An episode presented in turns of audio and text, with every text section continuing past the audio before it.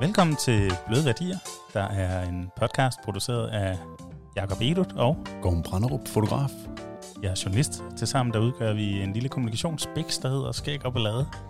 Og øh, det her, det er en podcast, der handler om storytelling. Mm, storytelling. Vi skal huske at sige tak til Henrik Palke Møller, der har lavet den her lækre orgelbaggrund, I kan høre nu, og alt det andet musik, vi bruger her i podcasten. I Som- dag, ja, Undskyld, ja, men som jo alt sammen er med til at fortælle historier, og det er det, det skal handle om i dag i Bløde Værdier. Og øh, vi er jo en, en lille bæk, som tager ud for at finde et, et godt skæg og en god historie, og prøve at se, om vi kan finde ting, der kan være med til at underbygge den her historie. Jeg var lidt inde på lejrbålet sidste gang, hvor man gennem tider har lyttet til og fulgt med på og hørt historier igennem tiden. Øh, vi har ikke lejrbål her i dag, men vi har en gæst i studiet, og øh, det er Mikkel Lomborg. ja, jeg kan fortælle lidt om Mikkel. Mikkel Lopper, han er 48 år. Han er musiker, pædagog, skuespiller. De fleste kender ham nok fra primært i rollen som herskæg i deres børnekanal Ramachan, og også i Circus Sumarum, som PT ligger her i Aarhus, hvor vi optager podcasten, og blandt andet derfor vi har kunne være så heldige at få Mikkel i studiet. Mikkel han øh, deltog i børneprogrammet Amigo i et afsnit, der handlede om skæg. Og øh, da det jeg så senere skulle bruge en børnevært med lang skæg, så ringede telefonen hjemme hos Mikkel. Øh, og så blev han sat til at lave et program, og, hvor børn skulle lære om blandt andet tal og bogstaver.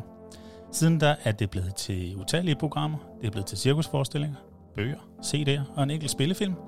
Og øh, som en af kun fire ikoniske figurer fra dansk børnetv, så har Mikkel fået sit øh, kontrafej på et officielt dansk frimærke. Og resten af den tunge liga, liga den tæller Kaja Andrea, Bamse og Bjørn Bruno. Mikkel han har også øh, turneret som sanger med The Pink Floyd Project, der fortolker Pink Floyd-sangen, og som skuespiller har han blandt andet haft øh, hovedrollen i Kashmirs musikvideo for sangen Stillboy. Privat der er Mikkel gift med Neni. Parret har tilsammen to børn. Og hvis Lomborg-navnet i øvrigt lyder en smule bekendt, så kan det være, fordi at Mikkels bror også er optrådt en del i medierne. Det er nemlig klimadebattøren Bjørn Lomborg. Det, der bliver rystet på hovedet. Ja! Det klipper vi ud. Det står inde på Wikipedia. Ej, jeg ved det, jeg ved det. Det Men vend- det er ikke mig, der har skrevet den. Ej, hvor det godt. Vi vender lige tilbage Nej, til nej, den. nej, nej, hold den. Vi må ikke klippe det ud. Nej. Det er fantastisk. Men det, det skal vi høre noget mere om senere. Jeg lukker lige ned med at fortælle, at øh, Mikkel og karakteren her skæg er jo efterhånden så sammensmeltet, at folk nogle gange har lidt svært ved at skille dem ad. Men i dag der har vi valgt øh, meget bevidst at snakke om den del af tilværelsen, der ikke indebærer en rød habit og et meter langt skæg. I dag der skal det handle om storytelling i børnehøjde. Hvad fungerer, hvad fungerer ikke? Og øh, hvordan kan det være, at en tårnhøj operasanger med et uanmeldeligt flot skæg har kunne være direkte ind i en hel generation af børnehjerter? Velkommen til dig, Mikkel. tak skal du i den grad have, kære ven.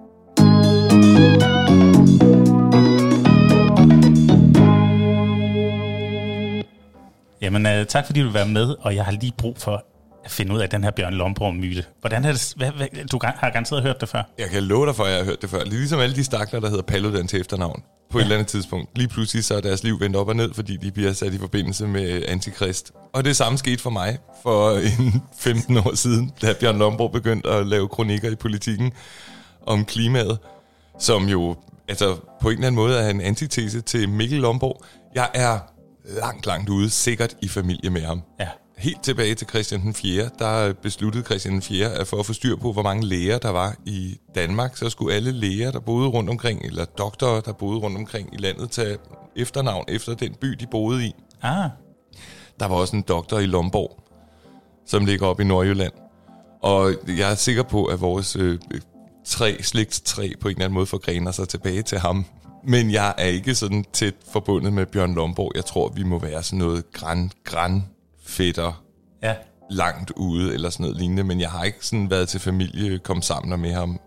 Jeg har en bror og en søster, ja. som hedder Rasmus og Louise, og så har jeg kæmpet med at hedde Lomborg til efternavn, lige specielt i forbindelse med Bjørn Lomborg, fordi jeg ligesom blev forbundet med ham. Men jeg prøver ligesom at være hans yang, Ja. øhm, hvor han er mit yang, og, og, og, og ligesom siger, ja, jeg ved godt, jeg er i familie med antikrist, men det er ligesom, jeg, jeg prøver ligesom at, at, at skabe balance ved at gå den stik modsatte vej, end hvad han står for. Jamen, hvor er Ja. det perfekt. Så, så er vi jo allerede inde på, hvad, hvad historiefortælling kan gøre. Ja. Også øh, måske med, med lidt negativt foretegn nogle gange. Ja, på godt og ondt. Altså. Og det- det- sit stempel. Ja, og når man finder sin research på Wikipedia, så, så kan man jo også nogle gange ryge ud i de her tilfælde af, at folk har, har været inde og hygge sig lidt. Ja, altså. lige netop. Jeg, og jeg kan, jo ikke, jeg kan jo ikke gå ind og ændre på min Wikipedia-side. Nej, nej. Sådan. Så det er, det er jo min skæbne, at jeg på den måde bliver forbundet med ham. Ej, jeg bliver lige nødt til at nævne, at, at der også på et tidspunkt var nogen, der gik ind og opfandt en by, øh, Æblerød, kaldte de den. Øh, og så vidt jeg ved, så eksisterer den stadigvæk på Wikipedia, fordi den er nærmest umulig at, at smide ud, ligesom Ja, at lige du netop. er i familie med, med, med Bjørn Lomborg. Men, men, men den her fuldstændig fiktive by, den lever nu i bedste velgående på nettet. Øh, og, og, og sådan er det jo, når alle har mulighed for at, at dele information på den På måde. godt og ondt. Mm. You win some, you lose some. Perfekt. Mm. Men øh, det her er jo en podcast, der handler om storytelling. Nu var vi allerede godt i gang. Hvad, hvad er storytelling for dig, Gorm? Jamen for mig der er det jo nok meget mere visuelt, øh, da jeg er uddannet fotograf og, og, og prøver på at tænke i, øh, ligesom med, med sproget, når vi taler, at tonerne de stiger og falder, og der er noget at gå på optagelse i, og jeg kan betone nogle ting. Jamen på samme måde, der prøver jeg egentlig også med, med mit billedsprog og, og variere det, sådan at jeg kan komme tæt på langt fra medium, og derved skabe en, en fortælling i billeder. Øh, det kan være en fortælling, hvor jeg er fluen på en væg, eller det kan være en, altså som reportagefotograf, nyhedsfotograf, øh, så er det utrolig spændende at bruge det her visuelle virkemidler til ligesom at, at, at krydderier, øh, lave en, en, en, en historie, som, som virkelig kan, kan noget. Øh, så storytelling, jamen, det, det er øh, rigtig meget for mit fag.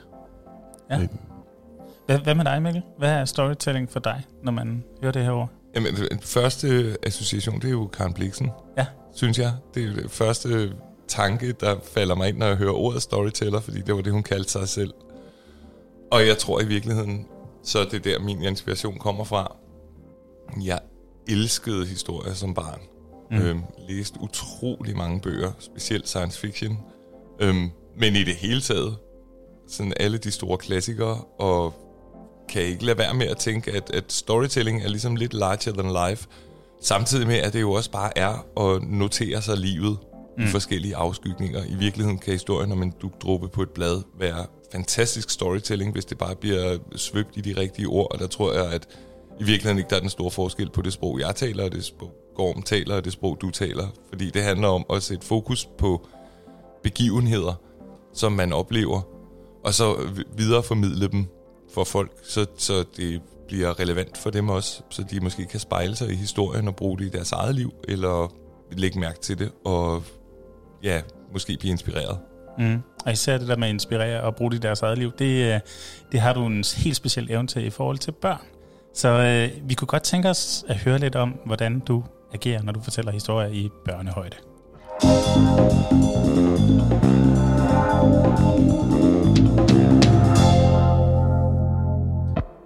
Altså, først kunne jeg godt tænke mig at høre sådan helt basic. Hvad skal der til, for at børn de ligesom hopper med på en historie? At de accepterer præmissen, og de er med på, at nu skal de have en historie fortalt.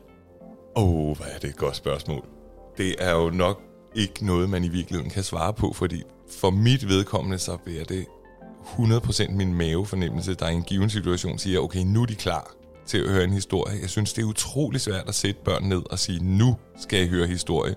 Det er stadigvæk ikke lykkedes mig med min egen datter, som jo egentlig burde være min number one. Okay, hende har jeg selv groomet til at skulle høre historier, men hun gider simpelthen ikke blive Nej. sat ned og høre en historie. Det okay. gider hun bare ikke. Men jeg tænker, der Hun sidder siger, en hel... hold op far, hold op, lad være, jeg gider ikke, nej, jeg vil noget andet. Så derfor så bliver jeg nødt til at gribe hende i de øjeblik, hvor hun er der, og det tror jeg i virkeligheden, det er det, der er min evne i forhold til børn, det er at fornemme, at okay, nu, nu er øjeblikket der, og så gribe det, og så gå i gang med at fortælle derfra. Ja. Øhm, og så er det jo så så spørgsmål, hvad det er for en historie, man gerne vil fortælle. Fordi at øhm, grundarkefortællingen, det er, jo, det er jo gamle folkeeventyr, eller de der historier, som vi alle sammen kender og kan spejle os i og bruger til at øh, måle vores liv med og beskrive det for andre. Sådan helt ned i, i de gamle Grimms historier og de bibelske fortællinger og mm. hvad der ellers findes af historier, man kan fortælle videre som er helt oplagte, fordi at de er jo skrevet og fortalt i forvejen, og det kan vi alle sammen spejle os i.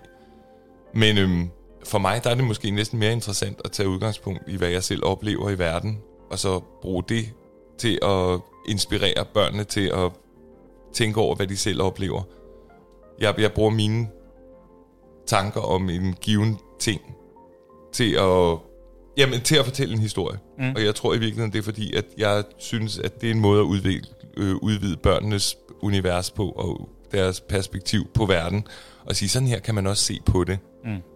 Så kan, jeg tager kan, kan du mærke, at de bedre hænger på, hvis du bruger noget dig selv? Altså, at... Ikke bare lidt. Nej. Rigtig, rigtig meget. Men det er så baseret på en mavefornemmelse, ja. så det er meget svært at sige, det er det her, jeg gør helt konkret. Jeg synes nok helt fra tidlig tid, jeg har altid snakket med børn, mm. lige siden jeg var, selv var barn. Og det er en af de helt store ting med mig, at jeg altid har været omgivet af børn. Og hvis jeg er til en fest, og der er et barn til stede, jamen, så er jeg hellere nede under bordet, end jeg står og snakker med de voksne. Fordi at det er der, jeg føler mig tryg, og jeg synes, det er utrolig spændende og interessant at, at se et barn opleve verden. Jeg har altid været meget zoologisk interesseret, mm. og jeg ser lidt børn også som sådan, hvad kan man sige, biologiske objekter, eller zoologiske projekter. Og det der med at se dem opleve noget for første gang, og se, hvordan de angriber ting, sådan, så når, når, når de nysgerrigt oplever det, det synes jeg, det bliver aldrig kedeligt for mig, og det er altid noget, jeg godt kan lide at eksperimentere med. Ja. Det er noget af det mest interessante ved selv at få børn, det er at få lov til at følge den udvikling på første hånd. Men i virkeligheden så har alle børn jo gang i den udvikling, og den kan jeg rigtig, rigtig godt lide at følge med i. Ja. Så at... Øhm, og jeg ville ønske, at jeg kunne komme med et konkret eksempel i virkeligheden, fordi det bliver meget overfladisk, hvis lad os, jeg bare... Lad os prøve at angribe det fra en anden side. Så. Ja. Hvad, hvad kan ødelægge en god historie for børn? Altså, hvor, hvad får dem til at stå af? Har du oplevet det, at du øh, har været i gang med en god fortælling, men så er du på en eller anden måde, jamen så, så lige pludselig virker det ikke mere, eller så er magien brudt på en eller anden måde. Er der noget? Jamen, jeg tror, det er noget med, at rammen skal være i orden, at den skal ikke i tale sættes for meget. De skal ikke have for mange regler for, hvordan de skal lytte. Og det er jo lidt svært, hvis man skal for eksempel fortælle for en større gruppe børn, nu skal I sidde stille, og nu skal I lytte på mig. Mm. Det kan være et rigtig godt udgangspunkt. Men på et eller andet tidspunkt, så man lytter jo på forskellige måder, og der er mange forskellige måder at, at høre på, og nogle hører bedst via musik, og nogle hører bedst via, via øh, blod og drama, og nogle hører bedst mere romantik, eller med, med, med noget natur, eller med, hvad, hvad det nu end er, der, der trigger en. Og man kan meget lidt komme til at forstyrre den øh, fortællesynergi, hvis man går for meget op i, at nu skal du sidde stille og lytte, og, og, og gå ud af sin historie for at sige, nej, nu skal du være stille, fordi så skete der det. Og det er jo det er meget svært at sige, hvad det helt konkret er, jeg, jeg, jeg gør for at holde dem fange. Men det, der tit sker, når det går galt, det er, at man begynder at blive hektisk og tale hurtigere, fordi man er bange for at miste deres, øh, deres opmærksomhed. Ja. Jeg har prøvet det flere gange, når man står steder, når, man, når jeg er ude og lave shows. Og der er for eksempel er dårlig lyd, eller utrolig varmt i lokalet, hvilket der øh, meget ofte er. altså har børn sværere ved at holde koncentrationen. Ja. Og den naturlige reaktion for mig, det er at begynde at tale hurtigere og blive mere og mere hektisk op på scenen, fordi jeg er så bange for at miste deres opmærksomhed. Men det får gerne den modsatte effekt. Altså, de bliver selv kaotiske af det. Det, som man dygtigt skal gøre, det er, så skal man simpelthen skrue helt ned for tempoet og gå, gå, gå slow og tale sagte. Så nogle af de tricks, mig og min makker har, gør brug af, når vi står på scenen, det er altså, så, så, så, så, så vi, og så visker vi noget til hinanden. Og det, bang, så, så har vi børnens opmærksomhed igen. Ja. Og så kan man starte derfra. Ja. Så det er, det er jo i virkeligheden biologi næsten, ikke også? At, oh, nu sker der noget spændende, fordi nu er de helt stille. Ja. Hvor den naturlige øh, reaktion, det er, nej, nej, nej, hør efter, okay, nu skal vi snakke endnu mere, fordi det er sådan her, det er, og, det, og så bliver det bare, så mister man fokus. Ja. De bedste af de Circus forestillinger vi har lavet, det er dem, som synes jeg formår at, at holde fokus ved, ved at, at holde fast i, at historien skal fortælles stille og roligt derudad, og en gang imellem lige lander helt stille, så der bliver helt stille i teltet, så alle er med igen. Og dem, som måske taber publikum, det dem, der er meget larmende hele vejen igennem. Mm. Fordi på et eller andet tidspunkt, så bliver børnenes hoveder fyldt af for mange informationer, så begynder de simpelthen at, at rykke rundt på sæderne og snakke med deres hvad, hvad ved jeg, og så taber de koncentrationen. Tag den, onkel Rej. Ja. øh, øh, nej, nu er du endt lidt på en hylde, hvor du også er en, der forklarer, hvad kan man sige, kompliceret stof for børn. Altså det her med tal og bogstaver, som jo er en, en helt ny verden, man skal forholde sig til ja. I den alder. Og Circus Sumarum, der er der jo også meget omkring, øh, at alle kan noget, og plads til forskel, øh, og alle de her ting, som er relativt komplicerede budskaber. Øhm, har du en måde, du sådan arbejder med at, at bygge din fortælling op på, når du skal have noget kompliceret stof igennem i børnehøjde? Uha, ja. Jeg tror, mit første, den første opgave, når vi sidder og skal udvikle en ny programrække, som skal handle om enten tal eller bogstaver, det er netop at, at, at tage hensyn til det faktum, at børn lærer på forskellige måder. Mm. At der er nogen, der har brug for, det havde jeg selv som barn. Altså det der med, hvis der er en lille melodi til, eller en ramse, så sidder det fast i løbet af no time. Mm. Og så er der nogen, der slet ikke er sådan indrettet. Altså, hvor det betyder overhovedet ikke noget, om der er ramse eller melodi. De, de vil meget gerne have meget konkrete informationer. Og nogen har brug for, at det bliver puttet ind i en historie, hvor de nærmest ikke opdager, at det handler om et bogstav eller et tal. Ja. Der skal det handle om noget helt andet, og så skal det der bogstav og tal bare integreres. Så opdager de ikke, at de er ved at lære noget, men så har de bare lært det bagefter. Mm. Så vi skal, hvis vi skal fortælle om A, skal det både være en sang om A, og der skal være en historie, hvor A indgår, mm. og der skal være nogle helt konkrete små, lette opgaver, som børnene kan løse. Og så skal der være en, en, en stor overordnet, hvad kan man sige, overskrift, som hedder, at det må gerne være sådan, at jeg er lidt dummere end børnene. Mm. Så jeg kan stille spørgsmål ret hurtigt til ting, som børnene godt ved i forvejen. Fordi det er en af de allermest effektive måder, at noget sidder fast på, det er, når man kan lære andre det. Ah. Når børnene de kan fortælle mig noget, som måske jeg er jo voksen, så jeg ved det selvfølgelig godt i forvejen, men hvis jeg lader som om, jeg ikke ved det, så er det en kæmpe triumf og succesoplevelse i at, at fortælle mig noget. Fordi at den, og, den, og, og det, så sætter det sig fast i hjernen på en anden måde. Så videreformidling er det allerstærkeste redskab, synes jeg. Mm. Hvis man kan få børn, fortælle en historie til børn, og få børnene til at fortælle historien videre til andre, så ved man, så, så, har, de, så har man fat i den lange ende. Perfekt. Det, var et totalt uh, godt råd til, uh, til at hænge op på køleskabet. tak. Du nævner øh, skolen, Ja. matematik, Ja. Skole, dansk. Mikkel, hvor god var du i skolen?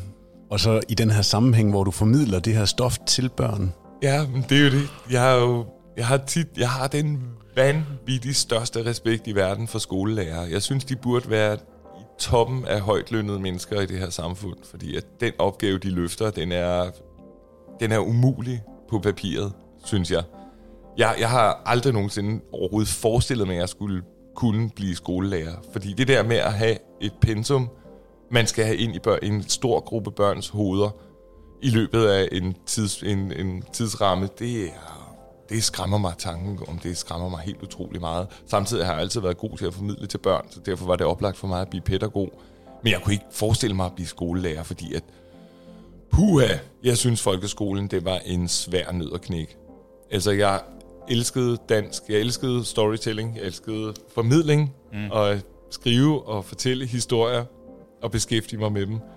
Men øh, det der mere konkret, eksakte naturvidenskabelige tal og og grafer og ligninger og sådan noget lignende, det skræmte mig, og jeg stod meget hurtigt af på det, og mistede meget hurtigt troen på, at jeg selv kunne finde ud af det. Jeg var virkelig dårlig til matematik, og jeg tror, jeg stod af fra cirka 3. klasse og op, der fattede jeg meget lidt af, hvad der skete i undervisningen, ja. matematikundervisningen. Var det fordi, de var for dårlige til at formidle til dig? Eller? Nej, Nej. Jeg tror simpelthen, jeg selv mistede troen på det meget tidligt. Mm. Og, og jeg havde nogle rigtig dygtige og søde matematiklærere i virkeligheden. Jeg skal overhovedet ikke klandre dem. Jeg havde i seks år af folkeskolen den samme lærer i matematik og formning og musik. Og jeg brillerede i formning og musik. Mm. Og jeg var elendig til matematik. Og han var fortvivlet, fordi han vidste, hvor dygtig jeg var. Men han kunne ikke få det der matematik. Han kunne ikke få mig sulten på det. Han kunne ikke få det ind i hovedet på mig. Jeg tror, en af grundene har været min egen dogenskab. Og øhm, så er det faktum, at jeg havde en mormor, som var matematiklærer. Mm. Og en virkelig elendig formidler. og hun skulle høre mig i matematiklektionerne, når hun kom på besøg. Ah. Og der stod jeg fuldstændig af. Ja. Der, der følte jeg, der, der, blev jeg, der gik hvad hedder det, den sorte tavle ned. Den berømte klap. Ja, den ned berømte der. klap Ja, gik ja. nemlig ned. Så jeg kunne simpelthen ikke svare på hendes spørgsmål, selvom det var relativt simple spørgsmål, hun, hun stillede mig. Hun prøvede, jeg har sådan en, en, en, et minde om, at hun prøver at lære mig klokken, og prøver at lave den der lavkage, som man skærer ud i stykker og sådan noget lignende, og halve og kvarte. Og det er jo så logisk. Jeg ville sagtens kunne forstå det i dag, og jeg tror også sagtens, jeg ville kunne få et barn til at forstå det. Mm. Men når hun talte til mig, så kunne jeg simpelthen ikke forstå det. Det, det blev lynhurtigt kinesisk. Og, og så var det en nederlagsfølelse, og den er den største anti-ting i læring overhovedet. Jeg tænker, det må være en knivsæk mange gange, fordi at, at det der med at kunne præstere godt, er jo ekstremt motiverende for, Ja. for børn. Men det der med at stille sig op og vide, at man ikke kan præstere, er jo noget, som du selv nævner, en dræber. Ikke? Altså, så nogle gange tænker jeg, det er virkelig en balancegang. Det er en grinder. Det Ja. er en knuser af motivation til at lære mere. Det er, at man tror, man ikke kan det. Mm. Derfor sådan Herskægs allerstørste mission, det er jo at gøre, bør- sige til børnene, at de er en succes allerede. At bare de kan tælle til 10, så har de allerede decoded en af de mest basale ting i, i matematikken, og du er allerede genial, fordi du kan tælle til 10. Ja. Og det er jo faktisk rigtigt. Ja. Men hvis de får den succes og føler, at de kan noget, så er de også motiveret til at lære mere. Mens lige så snart, at det begynder at blive svært, og, og, og, jeg, og, og de får at vide, at ah, det kan du altså ikke finde ud af, så, så tror de meget hurtigt på det. Altså, de svampe, de er lynhurtige, og man tager det på sig. Og så får man et stigma i sin sjæl, som man nærmest ikke kan slippe af med. Så tror man resten af livet, at man er dårlig til det. Uanset om man egentlig er god til det. Jeg troede, jeg var talblind. Det er jeg overhovedet ikke. Nej. Jeg, kan fakt, jeg er faktisk ret udmærket til hovedregning. Men igennem hele min folkeskole, der troede jeg, jeg det der med tal, lige så snart jeg ser dem, så kan jeg ikke finde ud af det. Og der, er- selvom at min matematiklærer var ganske udmærket, så formåede ingen af dem at overbevise mig om, at jeg var god til det. Så mm, folkeskolen mindes jeg som en stor ond knude af tvivl i maven, og, og også en stor angst for, at mine forældre skulle finde ud af, hvor dårlig jeg egentlig var til matematik. Pokker. Jeg skjulte mine lektier for dem og bildte dem ind, at jeg havde lavet dem og sådan noget lignende, og min matematiklærer satte flere gange sådan tape over alle de sider, jeg ikke havde lavet matematikbogen, og sagde, okay, nu starter vi herfra, Emil. Og nu, nu, nu, nu starter vi her, så er du med igen. Og jeg var helt lettet og sådan noget, py her, og så gik der et par dage, så var jeg bagud igen, fordi jeg simpelthen, jeg kunne ikke motivere mig selv til at sidde derhjemme og lave mine lektier. Og jeg ved ikke rigtig, hvad der kunne have reddet mig i virkeligheden. Men måske en, der sådan helt grundlæggende bare havde givet en hvor er det fantastisk, det kan du jo sagtens. Ja. Og så starte helt nede fra 2 plus 2, og så holde den, indtil min egen hjerne var klar til at gå videre til næste, til næste 3 plus 3. Ja, ja, ja. Og så samle mig op der. Ja. Og det er det, jeg prøver at gøre med børn, som jeg, jeg underviser nu. Det er selvfølgelig også de helt små, nærmest også før skolebørn, jeg, jeg kommunikerer til. Mm. Men i virkeligheden så har mange børn, der er kommet op i folkeskolen, brug for at blive taget og, og, og blive ført tilbage dertil og sagt, det er skide sejt, du kan det her. Ja. Ja. Prøv lige at se, du kan godt 5 plus 5. Ah, fantastisk, vi stopper for i dag. Det er virkelig, virkelig sejt, du kan det. I morgen går vi videre til 6 plus 6, men det skal du ikke tænke på endnu. Nu har du 5 plus 5. Gå ja. ud og leg. Jeg er nysgerrig på at høre noget, din uh, matematiklærer er oplevet dig som herskab. Nej, desværre. Han Det nåede at dø. genialt. Ja, for delen, mand. Og, min, og den værste, er, at min mormor heller ikke nåede at opleve Ej. det. Hun, ej, hun var død af glæde. Altså, helt sikkert. Hun nåede desværre at dø inden. Sådan Men ellers, ja, det ville ja. have været en stor glæde for mig, hvis de havde fået lov til at opleve det. Og det ville have været så ironisk, fordi at jeg var en katastrofe til matematik, og der var ingen, der troede på, at jeg kunne blive til noget. Men fordi hvor fedt er du så i dag? Var er en af dem, der fantastisk. er med til at rykke allermest inden for læring af tal og matematik til børn, Ja, ikke? og hvor universelt ironisk, at det første program, jeg blev sat til at lave, skulle handle om tal af alle ting i verden. Ikke også? Nu skal vi lave et program, hvor du formidler tal til børn. Det var altså, det var, det var på en eller anden måde sådan en stor guddommelig pegefinger, der sagde, så nu er det din tur, Mikkel, om morgenen. Nu skal du vise, hvad du kan, trods alt. Perfekt.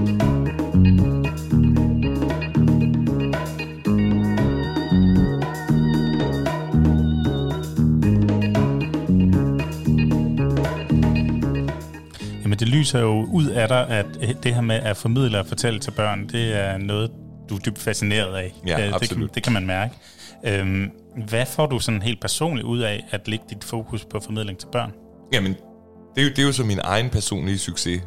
Altså, kriterie, eller hvad det hedder, hvor jeg selv bliver bekræftet i, at jeg er noget, jeg er god til. Det er ligesom, jeg, jeg, jeg startede ud med at ville være zoolog i rigtig, rigtig, rigtig mange år. Altså fordi alt med dyr bare, og stadigvæk den dag i dag, interesserer mig helt utrolig meget. Men øhm, med, hvad kan man sige, baggrund i mine katastrofale evner inden for matematik, så sandede jeg tidligt, at det måske ikke var den vej, jeg skulle gå. Ja. Og så tog musikken over, så ville jeg være, øhm, så, ville, så ville jeg lave noget med musik, og fandt ud af, at jeg ville være operasanger. Og, og lærte at spille klaver og læse noder og synge og alle mulige ting og skulle søge ind på konservatoriet. Og fik et angstanfald sådan i ugen op til, at jeg skulle til optagelsesprøve. Og valgte ikke at tage til optagelsesprøve overhovedet, fordi det simpelthen blev for uoverskueligt. Jeg, jeg, jeg, var, jeg, var, jeg kunne ikke hvad hedder, forholde mig til tanken om at skulle stå foran et panel af sensorer og, og præstere noget, der betød så meget for mig. Nej. Så tog jeg ud at rejse, og så kom jeg hjem, og så gjorde jeg det, som jeg var god til. Og det er jo så det, som man på en eller anden måde nok i virkeligheden ender med at gøre, de fleste mennesker. Så bliver jeg pædagog, fordi det er det, jeg altid har været god til. Mm. Og det er det, siden jeg var barn, har jeg på en eller anden måde altid været god til at, at være sammen med børn. Ja. Både altså mindre børn, ikke også tage mig af, af mindre børn. Og da jeg blev større, så havde jeg naturligt altid en følgeskare af, af mindre børn, også i folkeskolen. Og da jeg gik ud af folkeskolen, så blev jeg børnehavepædagog og havde de børn. Og så er jeg vokset op i et hjem, hvor min mor havde adskillige plejebørn, som jeg også har taget mig af. Så jeg har altid været, været god til børn. Og der henter jeg ligesom mine succeser. Jeg ved ligesom, hvad der virker, og jeg ved, hvordan jeg kan øh, opgive mig selv og gå ind og mærke et barn. Jeg har en stor empatisk evne, som gør, at jeg på en eller anden måde, og jeg er generelt meget elastisk og blød. Så jeg kan gå ind og ikke fylde så meget. Jeg kan mærke, om et barn har brug for, at jeg er meget på, eller meget tilbageholdende, og lade dem komme til mig stille og roligt. Mm. Og den evne, den kan jeg bruge, når jeg er sammen med børn. Og så kan jeg, så, så kan jeg gøre det til sådan en lille indre kamp, øh, at, at jeg vil vinde et barn over på min side, eller give et barn en succesoplevelse, og i den barnets succesoplevelse hente min egen succesoplevelse. Lykkes det altid så? Hvis jeg har tiden til det, så ja, så, så er det ikke, ikke lykkes endnu. Del med sejt. Ja. Ja. Jamen, jeg var jo pædagog for udsatte unge i 11 år, Ja. efter jeg blev uddannet pædagog. Og nogle af de allermest hampert ramte misbrugsklienter øh, klienter i verden. Så, og der, der havde vi flere år til det. Og der lykkedes det. Mm. Men der havde jeg også rammen og tiden til, at, at, at det kunne foregå i et tempo, hvor de kunne være med. Og Ja. ja. det, var, det var jeg rigtig, rigtig god til. Og måske også så god, så jeg endte med næsten at glemme mig selv i det. Altså, så det blev, en, det blev et stort projekt for mig at redde dem, Ja. og jeg kunne ikke rigtig slippe dem igen. Nej. Jeg var meget svært. Det var svært for mig at tage hjem fra arbejde, fordi jeg følte, at jeg overlod dem til sig selv. Og de andre pædagoger, som jeg ikke synes var særlig gode, eller lige så gode som mig. Mm. Og, det, og det er jo risikoen, når man arbejder, med mennesker, tænker jeg, at, øh, Det er at det går ind og tager en for stor del af ens også Ja. privatsfære. Og liv, Ja, lige. Ja, ja. På godt og ondt. Hvis jeg havde ikke haft mine kolleger at kæmpe med, så havde jeg sagtens skulle holde til det. Men mm. jeg synes, det var svært at, at, blive, at få givet en ramme øhm, af, af nogen, som jeg ikke synes var lige så dygtige som mig selv. Ja. som var mine overordnede, som sagde, hvordan og hvorledes det skulle gøres. Ja. Så det blev rigtig hårdt til sidst. Altså de sidste mange år, der drømte jeg bare om at sige op, men jeg kunne ikke få mig selv til det på grund af de unge, som jeg synes, jeg overlod til en verden, der var hårdere, end den skulle være. Du har tidligere, jeg, jeg har set et interview med dig, hvor du har beskrevet den reaktion, du får tilbage fra børn, som noget af det allermest ægte, Ja. du overhovedet kan opleve. Det kunne jeg godt tænke mig at dykke lidt mere ned i. Kan du prøve at beskrive den fornemmelse af det, man får tilbage, når man, når man hjælper børn, når man giver dem succeser? Jamen, det, man kan sige, at børn er jo ikke rigtig blevet groomet til nødvendigvis at tage så meget hensyn til deres omgivelser, som man er, når man er voksen. Så man får en utrolig ærlig reaktion fra dem. Og det kan jeg utrolig let agere i. Det føler jeg er meget, meget en, en meget enkel verden at færdes i, hvor voksne signaler tit er, er proppet ned under lag på lag af forskellige ting, som man har været igennem i livet, og hvordan man, man agerer over for andre mennesker. Så jeg synes, det er meget let at, at læse børn, og, og, og vide, hvad det er, de har behov for. Altså når vi nu snakker om, at jeg er god til at mærke, hvad folk har brug for, som jeg, når jeg går ind i et rum, så, så, så er børn jo de allerletteste at læse Ja. i forhold til, hvad så deres signaler er meget, meget tydelige. Og det gør det, det gør det lidt for mig. Og det gør også, at den, den reaktion, jeg så får, når jeg får hul igennem, den er så meget det større, og jeg kan tage den på mig og tage den med hjem og vide, at okay, jeg gjorde noget godt i dag. Ja. Men bliver du aldrig træt af at arbejde med og fortælle for børn? Mm, altså, lige så træt som man bliver af at trække vejret på et eller andet tidspunkt. altså nej, det, det gør jeg nemlig ikke, og det, det, det, det er du bestemt ikke den første, der spørger om. Fordi Nej. det bliver man jo lidt, eller det bliver folk jo lidt, fordi de føler, at de bruger meget energi på det. Men fordi jeg har lært at, at hive den energi tilbage, så jeg føler jeg mig næsten som en vampyr en gang imellem, som, som suger den energi, eller lever af den energi, jeg får, når jeg, når jeg har succeser i forhold til børn. Ja.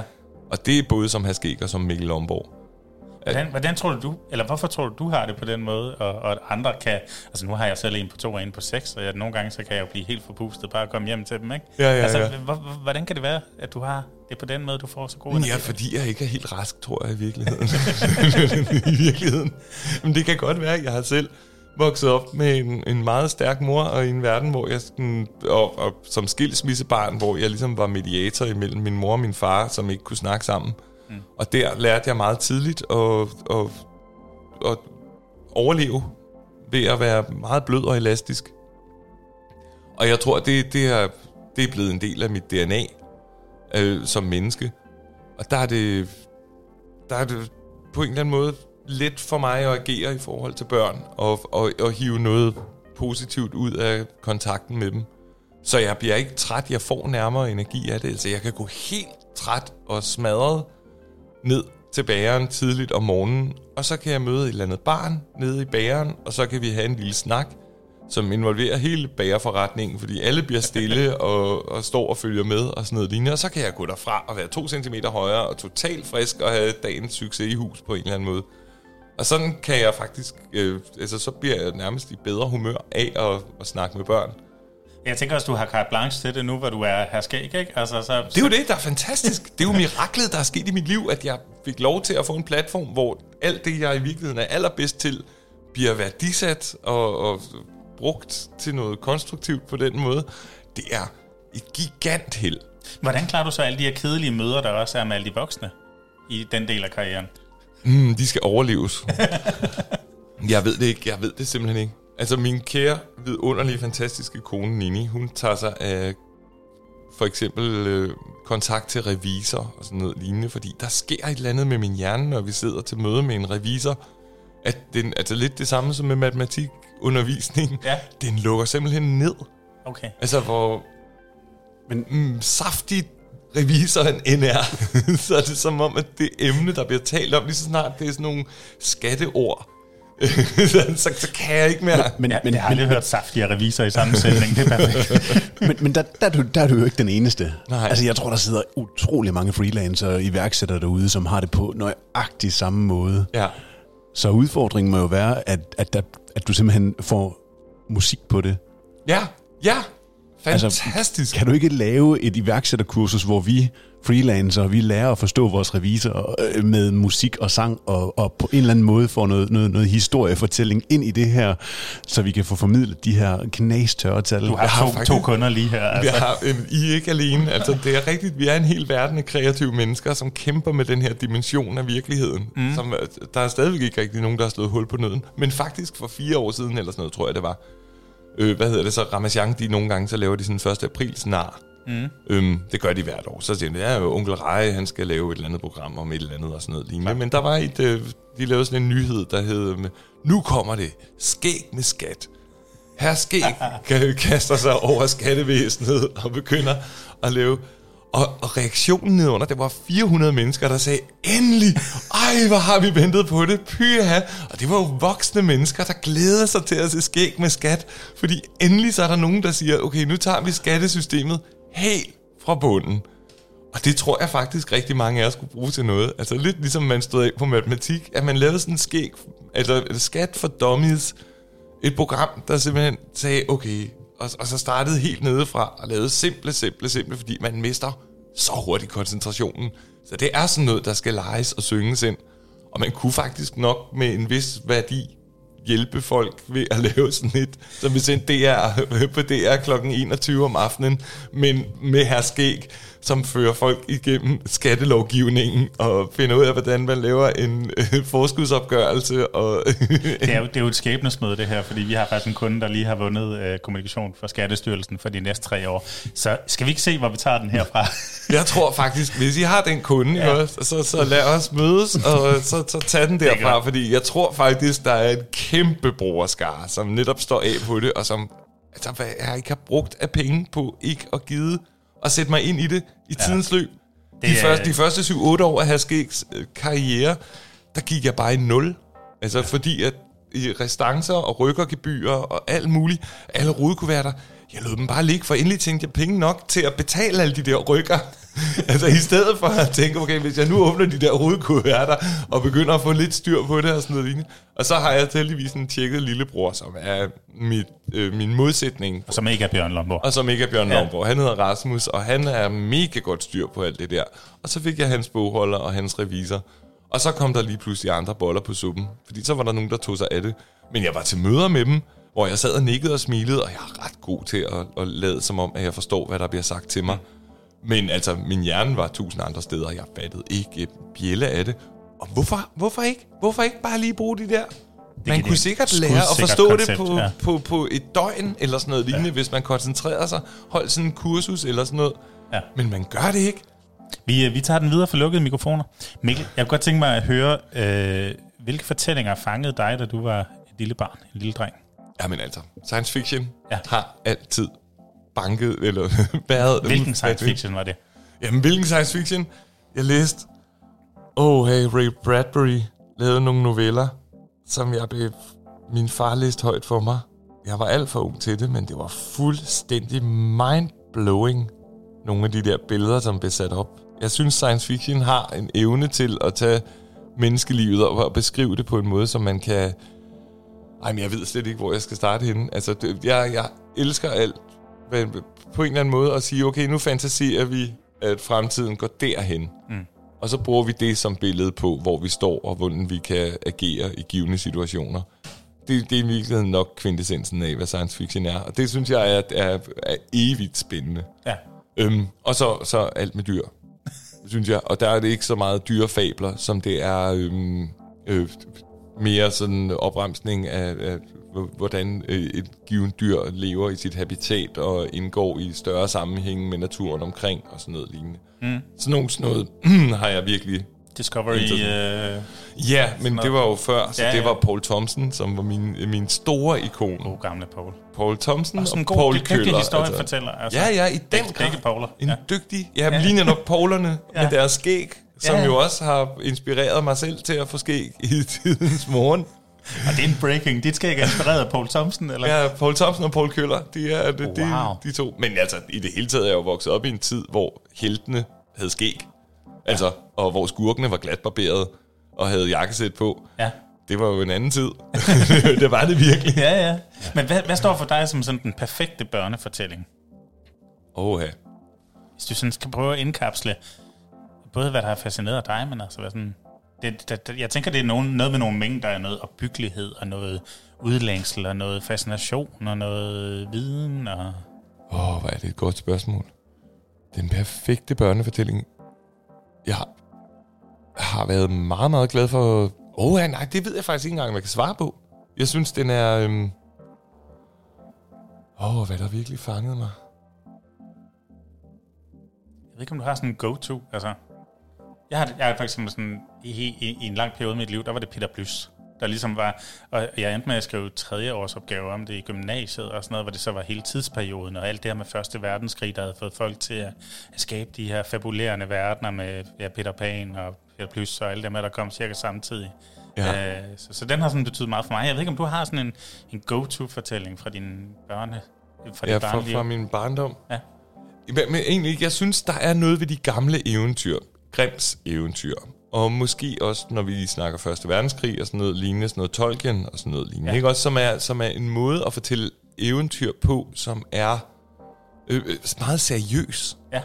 At man føler, at man bliver taget seriøst. Det synes jeg, det er en af de store ting for mig, når jeg også formidler for børn, det, det bliver meget let, at børn kan godt lide farver, og børn kan godt lide, når noget er sejt, og børn kan godt lide, og det bliver utrolig øh, patroniserende og nedladende, synes jeg, i, i min optik, og Ja. det synes jeg øh, til synligheden, at jeg er lidt alene om, fordi der er mange børn, der virkelig tænder på det Jamen, der er noget cool på over... at blive fanget ind af de der øh, øh, ting, som blinker og, og, og lyser, Klart. og som er et friskt og sejt børnesprog, og det er noget med skateboard, og noget med haløjsa, og vi rapper, og det er sådan, og det sidder børnekulturen meget fast i, at det er sådan noget, børn er vilde med, hvor jeg rigtig godt som barn kunne lide, når det var sådan noget, som jeg troede var rigtigt, eller var noget, der, var, der, der virkede alvorligt og seriøst. Noget, som var sådan jeg ved ikke, hvordan fanden man skal beskrive det, men jeg synes faktisk, at at Ringenes Herre, bøgerne er, er meget godt billede på det, at, at det, det er skrevet i sådan et meget seriøst sprog. Men der er del med noget sejt ved, at Tolkien gik ud, og er det tre sprog, han har opfundet, Ja. bare for at give de her øh, forskellige folk øh, et, et, et karakteristika, ikke? Ja. Altså, så tager man det jo seriøst, ikke? Nemlig. Så, så vælger man ikke bare at sige, "Men der står nogle orange papfigurer herovre. Det Netop. det er et folk, ikke? Lige netop. Ja. Jeg synes, Bjarne Reuter gjorde det også. Han har fandme skrevet nogle dygtige, dygtige bøger for børn, som, som også tager, tager barnet seriøst, eller tager fortællingen i sig selv seriøst. Det lyder som en rigtig historie. Det er ikke så... Det er ikke så, hvad kan man sige, ældet ind i, i friskhed, som, som jeg virkelig står af på, den ja. her friskhed. Ja. Også når jeg laver musik og sange og sådan noget lignende, som jeg synes er meget... Ja, der er én gang, hvor jeg havnede endte med at bruge ordet sej i en, en sang, og så jeg skammer mig stadig over det. Fordi det er sådan et, der er så meget, der er så sejt, og børn elsker, når ting er seje. Og det gør de selvfølgelig, men det er også bare, det er for let. Ja. Jeg, jeg, jeg stod af på det som barn, og jeg bruger selvfølgelig min egen barndom som 100% kompasnål i min øh, videreformidling. Altså, Det er klart. Og hvad jeg selv kunne lide som barn. Det er det, børn skal kunne lide nu om dagen. Det er, jo, det er jo også det, man har arbejdet med, kan man sige. Det er nemlig det, man har arbejdet med. Perfekt. Men det var en glimrende segue videre til dine andre projekter, som vi skal tale lidt om nu.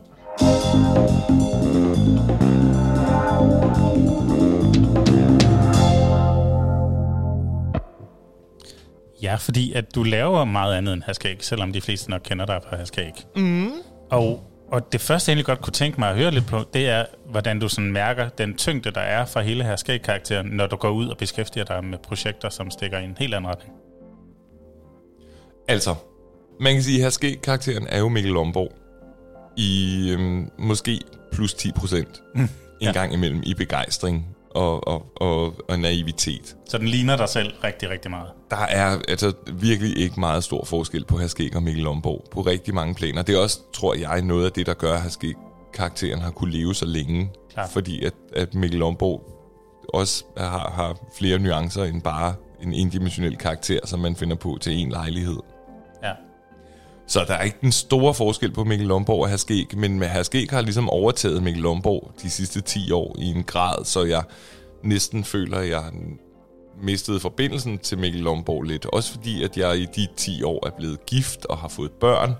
Så det er som om mit liv er startet i de sidste 10 år. Ja. Og at de 30, 30, 35, 37 år, der lå før det, de, de er lidt glædet i baggrunden, og jeg har glemt dem lidt. Og dem har jeg haft brug for at, at finde frem igen og få kontakt til igen.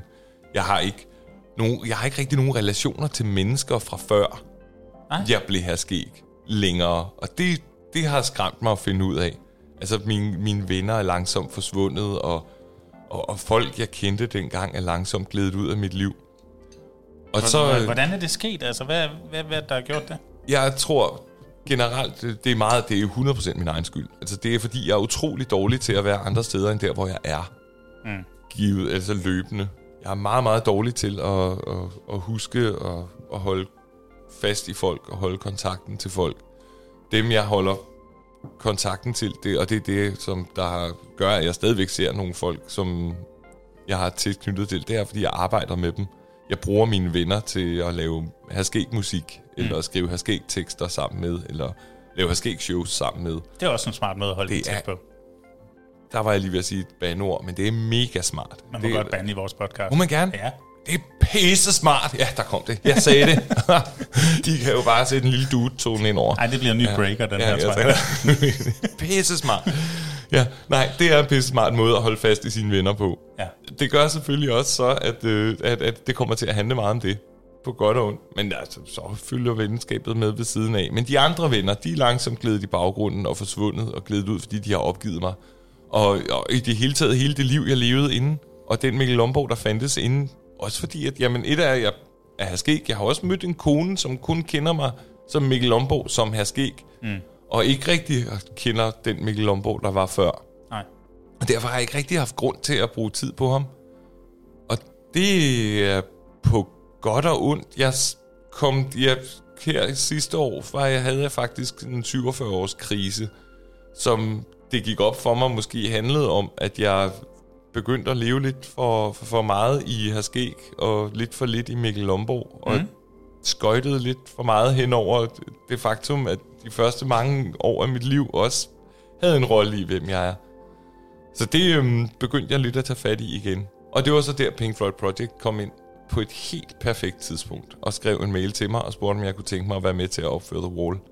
Men øhm, jeg har også nogle gamle venner, som faktisk stadig findes, og som stadig savner mig. Og som det bare var muligt at sige inde på Facebook og skrive øhm, tillykke med fødselsdagen, når de havde fødselsdag. Mm. Gider du ses? Og det gad de sørme godt. Så jeg har lige her, det er ikke mere end en lille måned siden, at jeg for første gang var til fødselsdag hos Thor Bjørnvig, som var min gamle efterskolekammerat. Og der sad lige pludselig 6-7 af de der folk fra gamle dage, som sagtens kan huske mig og elsker mig for andet end her skæg. Ja. Og det var, det var, det var ret terapeutisk i virkeligheden at sidde i den flok. Fordi at, ja, fordi de kender mig og elsker mig for noget andet end, end det, jeg laver i fjernsynet. Ja, fordi hvis vi nu prøver at, at tage her skæg lidt til siden, og Ja. så prøver at dykke lidt mere ned i Mikkel Lomborg, og altså hvilke andre projekter, nu nævner du Pink Floyd Project og, og, og sådan nogle ting, her skæg fylder rigtig, rigtig meget, men, men hvad, har du, altså, hvad har du ellers gang i som, som Mikkel Lomborg? Lige nu ingenting. altså som i ingenting. Virkelig. Altså, men, men det er noget, jeg er i proces med at skulle til at have gang i. Og jeg tror i første omgang, så bliver det at tage kontakt til nogle af de gamle folk. Og må jeg anbefale til alle lyttere, at øh, der findes folk derude, som vi har stødt på igennem livet og har delt kapitler af vores bog med, og som vi så har forladt igen. Men de kapitler bliver ved med at have en relevant rolle i vores liv. Og det er møg spændende, og hvorfor må jeg ikke sige pisse? Jeg er så træt af, at jeg ikke må sige pisse i den her Det gør du bare. podcast. Kør, kør, kør. Det er pissegodt ja. at rive fat i dem, fordi de findes der, og det er så spændende at snakke med dem om, om hvad, hvad der er sket med dem, hvor deres liv er gået hen. Og fordi man har delt noget engang, det, eller det man delte dengang, det er ikke nødvendigvis uinteressant at, at, at hive fat i, fordi man er stadigvæk det menneske også.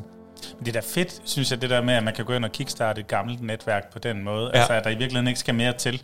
Men det er jo nok også, fordi man har været en vigtig del af hinanden på et, på et vigtigt tidspunkt i livet, hvor man har været under udformning, eller hvad kan man sige? Lige netop, og så glider folk i hver sin retning Klar. og sådan noget lignende, men det, at man stadigvæk deler den der kerne et eller andet sted, det, det, det er jo ikke bare fordi, man deler en, en, en begivenhed i ens liv, men man faldt jo også sammen dengang, fordi at der var et eller andet, som, som smeltede sammen og flettede ret uproblematisk sammen. Ja. Og det findes stadigvæk, tror jeg på. Og jeg tænker også, at der er en forståelse blandt folk for, at når man lige pludselig går hen og bliver den største rockstjerne på børnehimlen, ikke? Altså, Ja. når, når man er på frimærker og sådan noget, Ja, ja, ja. Så, så går ens tid lidt med os andre ting, ikke? Jo. Øh, så, så, Ikke bare lidt. Nej, nej, det kunne jeg forestille mig. Rigtig, rigtig meget. Men jeg tror også, det har betydet rigtig meget, at her skæg... Nu kommer vi til at snakke om skæg igen, men ikke det mindre. Det har, det har en vigtig rolle i forhold til det, jeg gerne vil sige. At øhm, det føles som et mirakel, der skete, hvor Mikkel Lomborg lige pludselig blev max bekræftet i det, som jeg er aller, aller bedst til. Og det er en grundlæggende eksistentiel tvivl, jeg har kæmpet med hele mit liv, som jeg lige pludselig får serveret på et sølvfad som sådan en stor du behøver ikke tvivle mere, Mikkel, fordi at det, du kan og er, det er godt nok. Det er faktisk et svær, du kan bruge til at komme frem i resten af livet med. Det er en gigant gave, som jeg har taget til mig, og, og er meget, meget taknemmelig for, men som jeg også tror forsvinder i morgen hele tiden. Ja. Og sådan har jeg haft det lige siden, ikke startede i 2007. Ja. Og sådan har jeg det stadigvæk. Jeg har det som om, det kan forsvinde lige nu her. Og det gør, det holder det i live, men det gør også, at jeg giver det alt, hvad jeg overhovedet har. Og det har jo kostet mig venskaber, og det har kostet mig alverdens ting på godt og ondt, ikke også? Men jeg får stadigvæk den her store bekræftelse af den, jeg er, og det jeg er god til, som er, ja, som er at være empatisk og sød og blød, og alle de der, min konfliktskyhed og min autoritetstro og alle mulige ting, som jeg har set, som, som har været svagheder før, er lige pludselig blevet styrker i mit liv, og det er jeg jo drønhammerne taknemmelig for.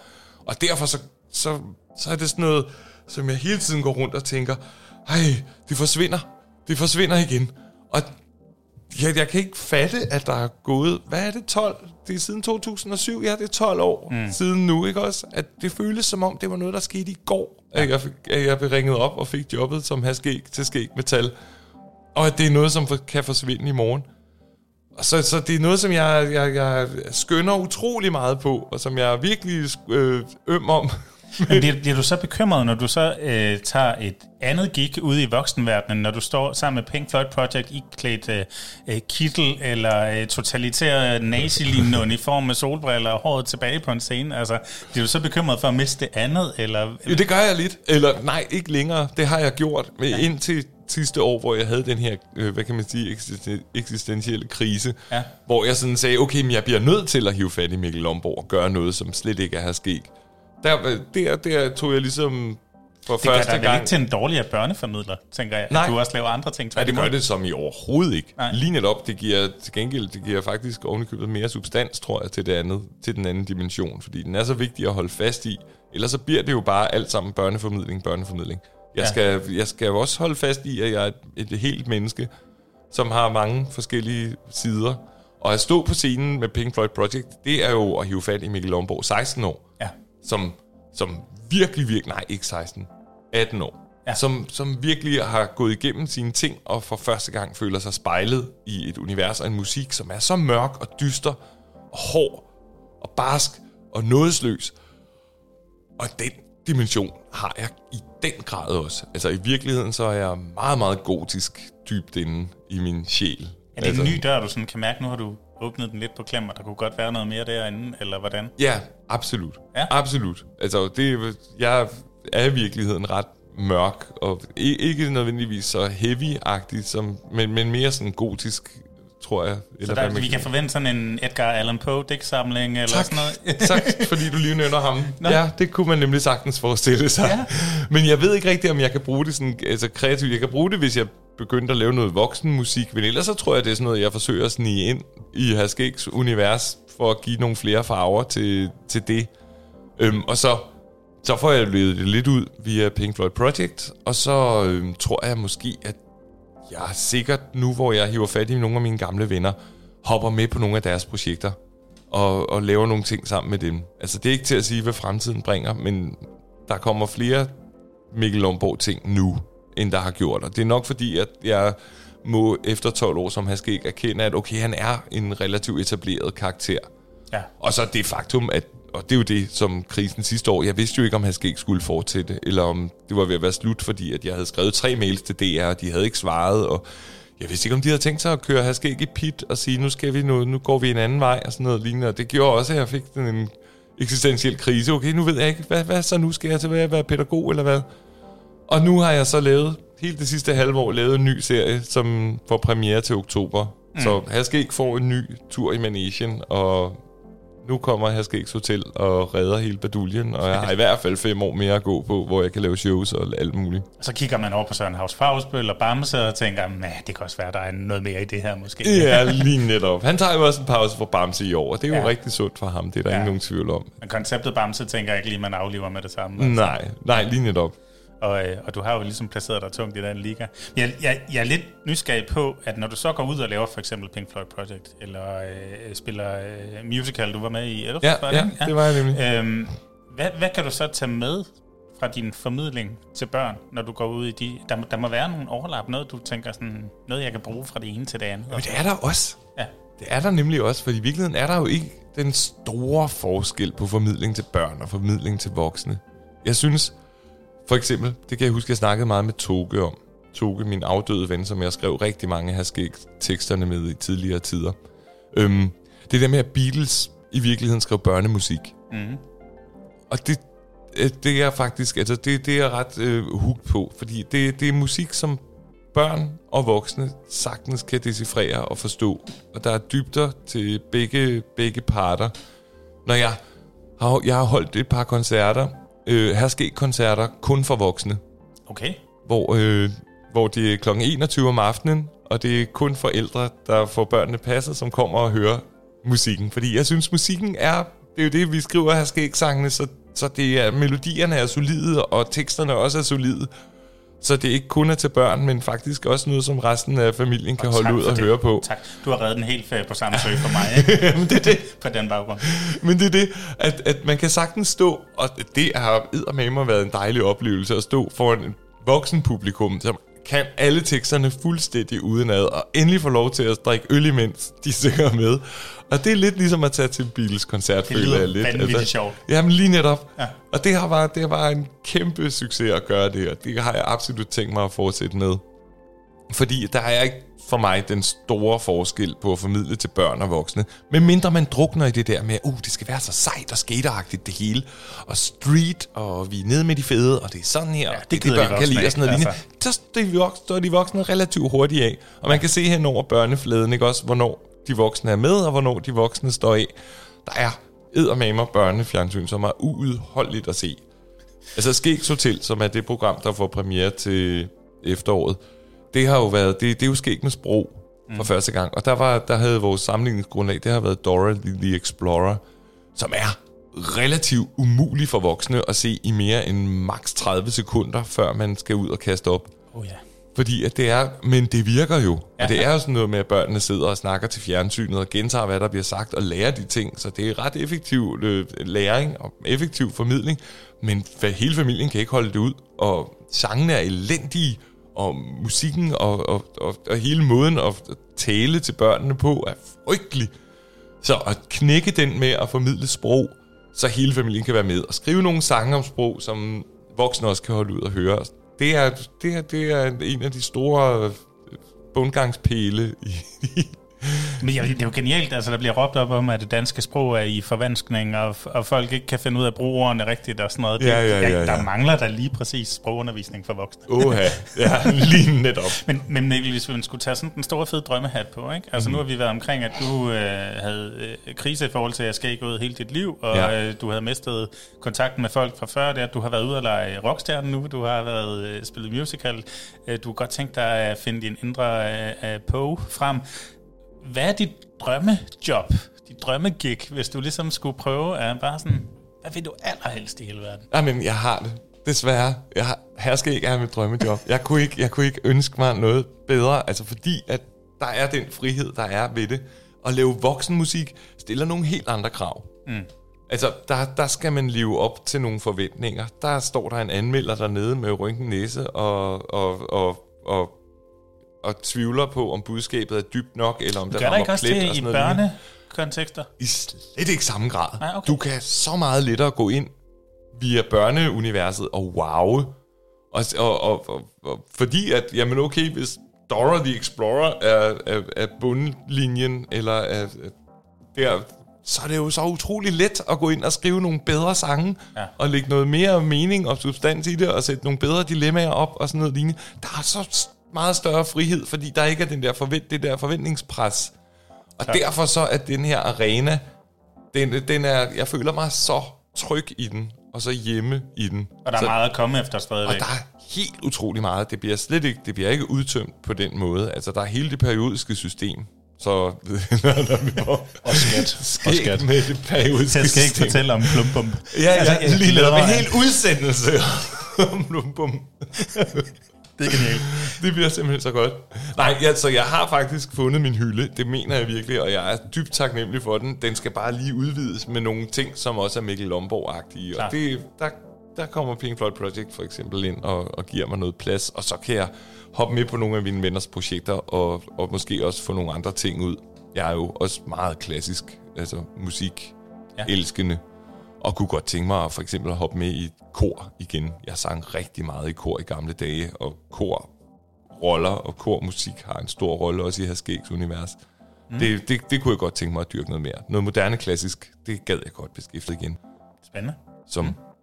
Men, men når du nu siger, nu siger, at du har dit drømme gig eller dit drømmejob, mm. er der så et emne, du virkelig godt kunne tænke dig? Nu nævnte Ja. du det periodiske system, ja. men altså, der er et eller andet drømmeemne, du godt tænker dig, Ja. ja. hmm, Det er der. gå ned og rode. Hvad er det? Dyr. ja, Og det må jeg ikke. Nå, Fordi der har Sebastian Klein og lille nørd og alle de andre. Det er sådan dyr og musik. De, de emner er ligesom dækket inden for børneuniverset. Og jeg kan ikke... Ja, og hemmelige dyr, og øh, mig og mit kæledyr. Der er tusind programmer om dyr, fordi det er ligesom den let at tage. Jeg synes, måske med Sebastian Klein som undtagelse, så er der jo ikke nogen, som selv brænder for emnet, der har beskæftiget sig med at videreformidle det. nej. Og der brænder min ild altså uudslukkeligt. Jeg bliver aldrig nogen træt, den træt af dyr og natur. Altså det, det kunne jeg rigtig godt tænke mig at lave noget om. man kunne ikke lave et joint venture på en eller anden måde, Sebastian, og her skal ikke... Jo, jeg har, jeg har snakket med ham om det faktisk til premierefesten i år. Ja. Og, ej, men det er mest fordi, han laver de der programmer for Voskens TV, hvor de er ude og lede efter dyr, forskellige dyr, og jeg, jeg vil så gerne med. Sådan noget kryptozoologi. øh, Lige netop. Ja, altså, ja. Det er sådan noget, jeg, jeg gad det virkelig, virkelig godt, og det er et emne, jeg godt gad skifte med. Men man, jeg synes også, det er dækket. Så giv mig tal og bogstaver og det periodiske system og hvad som helst i virkeligheden. Og det var jo den så fede, da vi skulle lave skæg med matematik, som jo er den ultimativt kedeligste programtitel, du kan se, hvis du kigger ned over program, øh, øh, fjernsynsprogrammet. Det- det sagde du. Hvad kommer der i dag? Der kommer skæg med matematik. Man kan ikke, det kan ikke gøres sjovt. Og det var fedt at gøre det sjovt, og gøre det til det fedeste på matematik. Det var en spændende udfordring, og derfor så, altså jo kedeligere emne, jo federe og sjovere er udfordringen at knække den og gøre det til spændende og skulle formidle det for børn. Det, ja. det har jeg virkelig nyt meget. Så derfor så er det ikke, det er ikke altid det, der er lige for, som er, som er sjovest at lave. Fordi der er jo, ja, så kunne jeg lave noget om dyr, så kunne man lave noget om musik. Men øhm, Og kæft, jeg gad godt se, at her skal ikke finde en dinosaur. jeg kan love for, Spille hvad Pink Floyd er. øh, musik. tak, det er det program, jeg allermest drømmer om at lave. Der var vi. Fedt. Vi skal tilbage og snakke lidt storytelling igen.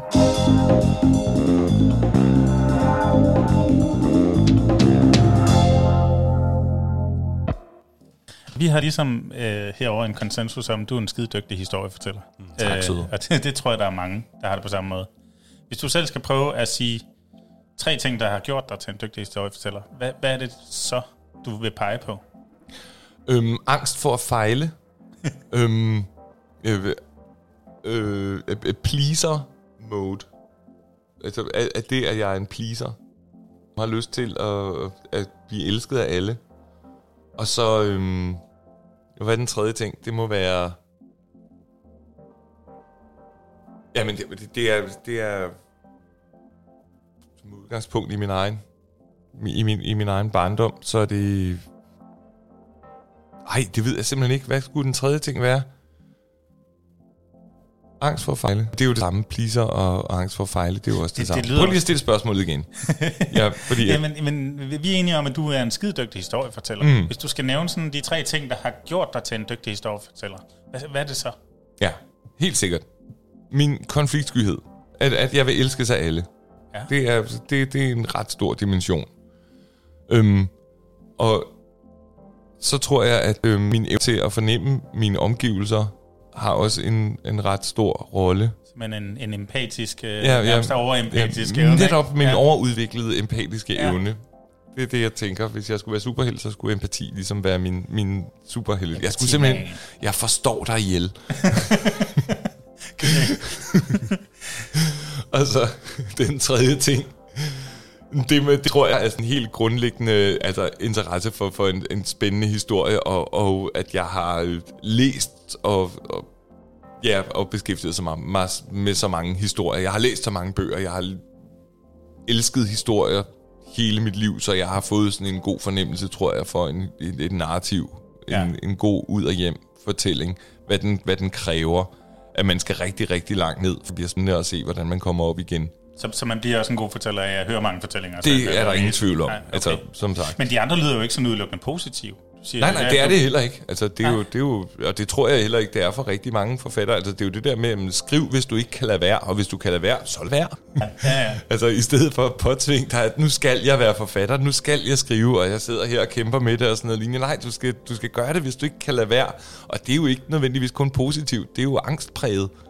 Ja, ja, i virkeligheden. En af mine yndlingsforfattere, Hunter Thompson, han siger, at skrivning er ligesom prostitution, og der er ikke mange gamle luder, der går og griner. Altså. Nej, det gør man bare ikke, og det er jo fuldstændig rigtigt. Altså, man krænger sin sjæl ud, og man, man har brug for at få det ud, for at gøre af det et sted. Ja. Og det, det er jo det, der skaber mange gode kunstnere. Ja. At, at de har brug for, at det, det er deres ventil i livet, og så gør det, så det deres, deres værk interessant at, at se for andre, fordi man kan spejle sig i det. Hvor hvis de bare laver det for, for at fylde ned på lærredet eller på, i bogen, så, så bliver det ret uinteressant i virkeligheden. Fordi så sidder du bare og opfinder ting for at opfinde ting. Ja, Det er ikke så spændende at følge med i. klart.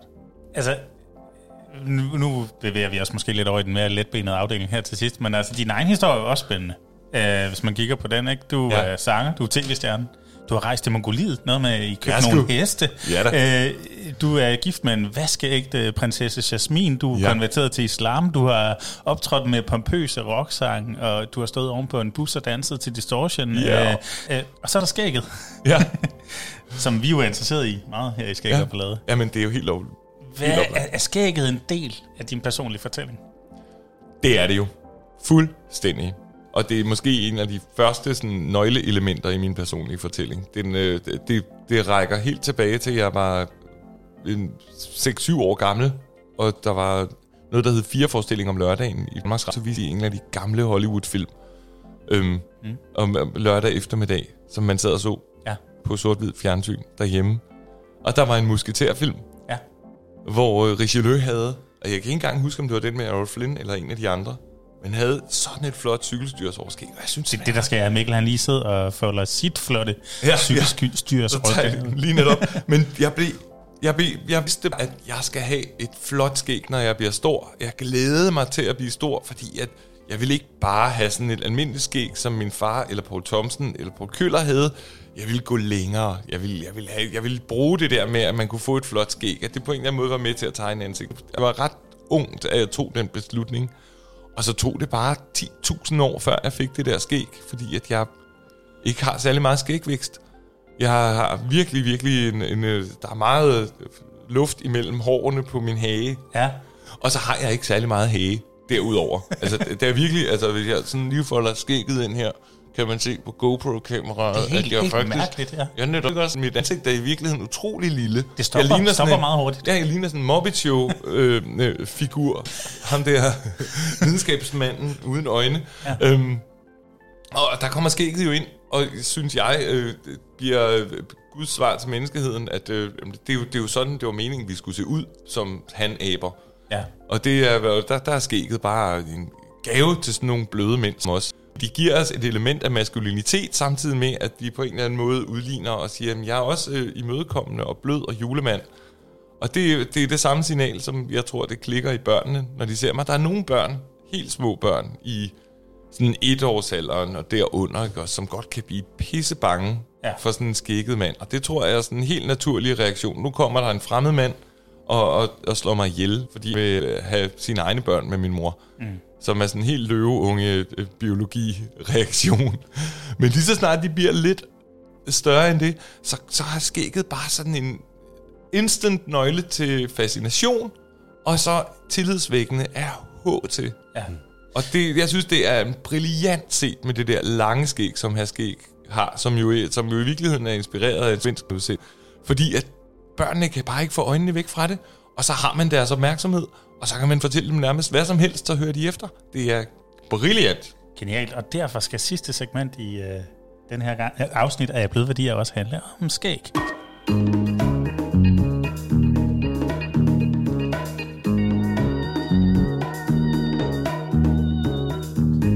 Vi, vi kan lige så godt indrømme det, Gorm. Altså fra starten, nærmest den dag, vi etablerede Skæg og Blade, ikke? der tænkte vi, vi, vi, vi skal have fat i her skæg. Ja. det, det, det kan jo ikke være anderledes. Så vi bliver nødt til også ligesom at få proppet nogle skægspørgsmål ind her til sidst. Ja, øhm, og, og, øh, og da vi sådan sad og researchede lidt på det interview, der sender går mig en, øh, en blog fra din Facebook, som du har lavet for mange år siden efterhånden, som handler om dit skæg. Åh, oh, hvor jeg skriver på engelsk. Ja, lige præcis. Ja, det er rigtigt. Og, og, og en ret øh, lang gennemgående en, hvor du tre gange svarer på, hvorfor har jeg skæg? og så en hel masse andet. Hvorfor var det vigtigt for dig at fortælle om? Jamen, et, Facebook i sin tidlige øh, fase var jo en mulighed for at få fat i alle de der mennesker, man havde mødt, når man havde været ude at rejse. Ja. Jeg havde været i praktik i New Zealand med pædagogstudiet, og havde en hel masse venner dernede, og det var faktisk primært dem, jeg skrev til, når jeg skrev på Facebook. Derfor foregik alt på engelsk. Det, Klart. det havde jeg helt glemt, men Ja. det gjorde det jo dengang. Ja. Jeg har ikke læst den blog i 20 år. Den er meget velskreven, og meget, altså der er hjerte bag, kan man Øhm, jeg, var også, jeg var også velformuleret på engelsk dengang. Men øhm, øh, fordi at folk tit spurgte, når ja. de så mit billede. Det var også dengang på Facebook, hvor folk begyndte at mødes på kryds og tværs. Man, man addede venner, som man synes så interessante ud. Og jeg fik venner, fordi jeg havde det her skæg. Og de spurgte, hvad laver du med det, og hvorfor har du det? Og så tænkte jeg, hey, jeg laver den her blog, fordi så var spørgsmålet ligesom så er svarene der i forvejen på en eller anden måde, så kan de gå ind og læse det, og de ikke spørger, Jeg dem, så behøver jeg ikke skrive et det og skrive det. Ja, lige netop. Perfekt. Øh, men, men blandt andet, der kunne vi jo læse om, øh, om, om en af de store livskriser i Mikkel Lomborgs liv, som er, da, øh, da Fudge brandet stoppede med at lave hair, hair cement sprayen, Hvad skete der for dem? som var et øh, brand fra New Ja. Zealand. Er ja. det korrekt? Ja, øh, Australien faktisk. Australien, Men jeg Australien. fandt det, da jeg var på New Zealand, ja. og det, det hjalp mig igennem de første 20 år af, af mit øh, cykelstyrsoverskægsliv. Smukt. Øh, Men så sker der det, nærmest fra den ene dag til den anden, hvis man skal tro din historie, at Bang. så tager de der markedet og øh, en sort dag i alle November med- 2018 vil blive husket som skammens år, Kan du, måned. huske, kan du huske, hvor du var den dag? Ja, foran computeren derhjemme, og jeg sad og prøvede at bestille, og så stod der 0 items, og så bestilte jeg på en anden hjemmeside, og der var også 0 items, og så var det sold out, og så var det slut, og så var det slut, og så gik jeg ud af landet og ledte i Tyskland og Sverige, og så begyndte jeg at, at prøve at finde folk i Australien, og så gik det op for mig med, med, med sindsoprivende, øhm, det var forfærdeligt at finde ud af. Og der, så der, var det væk. Der, der er forlydende om, at du simpelthen cyklede rundt i København og prøvede at opdrive det sidste, man ja, kunne, man kunne få fat i. jeg. Var, og der, var, der var ikke noget at Men gøre. som, i- som en Jeg har stadigvæk en flaske derhjemme med måske sådan en, en kvart, en, en centi, 4 centiliter eller sådan noget lignende tilbage, som jeg gemmer til en eller anden dag. Men altså, så har jeg jo Det er sølvbrylluppet, eller ja. Sådan, når det, når det virkelig skal netop... stå for. Men, men- men, så som i en hver god fortælling, så er der jo øh, lys for enden af tunnelen. Ja, det er der. Øh, og, og, og det har vi jo så også researchet lidt på, at der er dukket et, et nyt produkt op i Ja. dit liv. Og det er jo ikke, fordi vi skal sidde og plukke, men det er bare lidt sjovt, at det er et uh, horologi, Ja. der laver deres uh, Mega Hold hairspray, ja. Som jo altså, holder til herude i Silkeborg. Er det I- rigtigt? Ja, det viser vores research. Um, det synes jeg er sådan lidt det er en dejlig coming home fortælling på en eller anden måde. Det er at, rigtigt. At, at vi er for, øh, nået fra det her øh, FODS i øh, Australien til horologiet i Silkeborg. Lige netop. Øhm, og vi har i vores research også fået et billede af øh, fem meget smukt legnet op. Altså, vi har jo haft øh, små spioner ude for at prøve at, at researche på dig. Og der ligger en øh, ting, der har fulgt dig i 10 år, Ja, med sådan en spids på. ja. Der ligger en træbørste, som også bruges til noget helt specielt. Men der er fem børster Ja. og kamme. Det har der.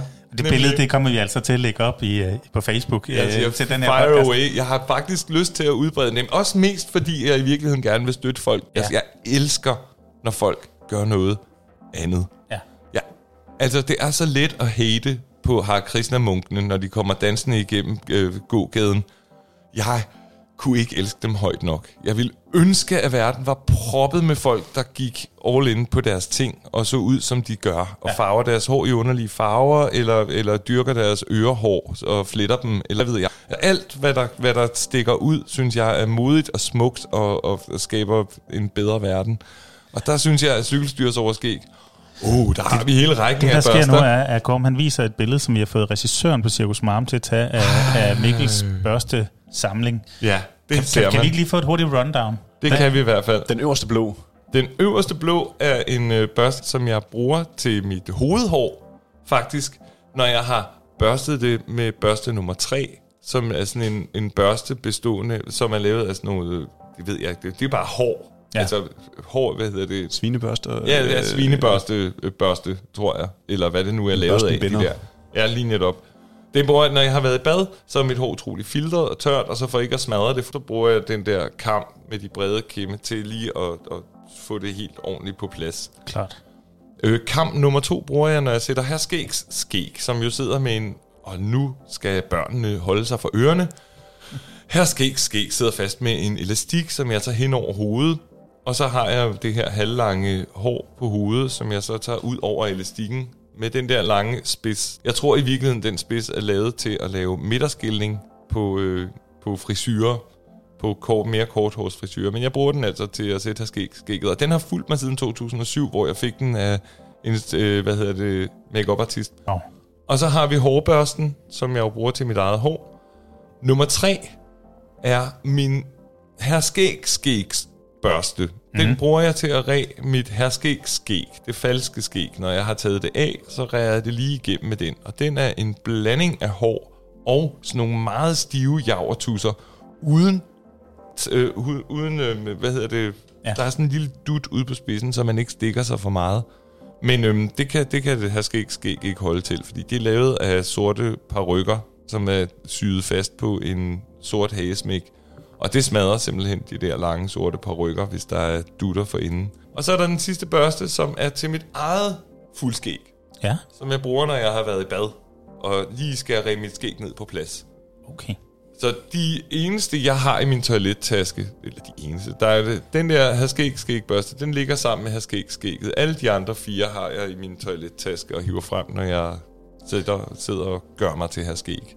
Men hvad betyder det her skæg? For vi har lidt været inde på det, men for din personlige fortælling og for hele dit brand. Altså jeg tænker både her skæg, det giver lidt sig selv, men også Mikkel Lomborg. Jamen jeg, var, jeg havde jo cykelstyrsoverskægget i over 10 år, før jeg blev her skæg. Ja. Jeg har jo gået rundt og set sådan her ud nærmest hele mit liv, eller lige siden jeg var i midten af 20'erne. Og det er både et statement, men det er også en øh, afvæbner. Der er altid noget at snakke om.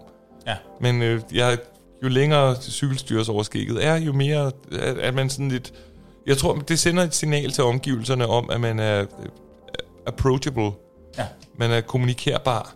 Og man, man, er, man er lidt klædt ud. Man har gjort noget ud af sig selv. Man er ikke, det, er, det er ikke afvisende på nogen som helst måde. Jeg kan huske en gang for mange år siden, der hvor det var i 90'erne på mode at klippe sig skaldet. Der var jeg skaldet og fik et chok over den effekt, det fik på folk, at jeg gik rundt og lignede sådan en hård hund. Ja.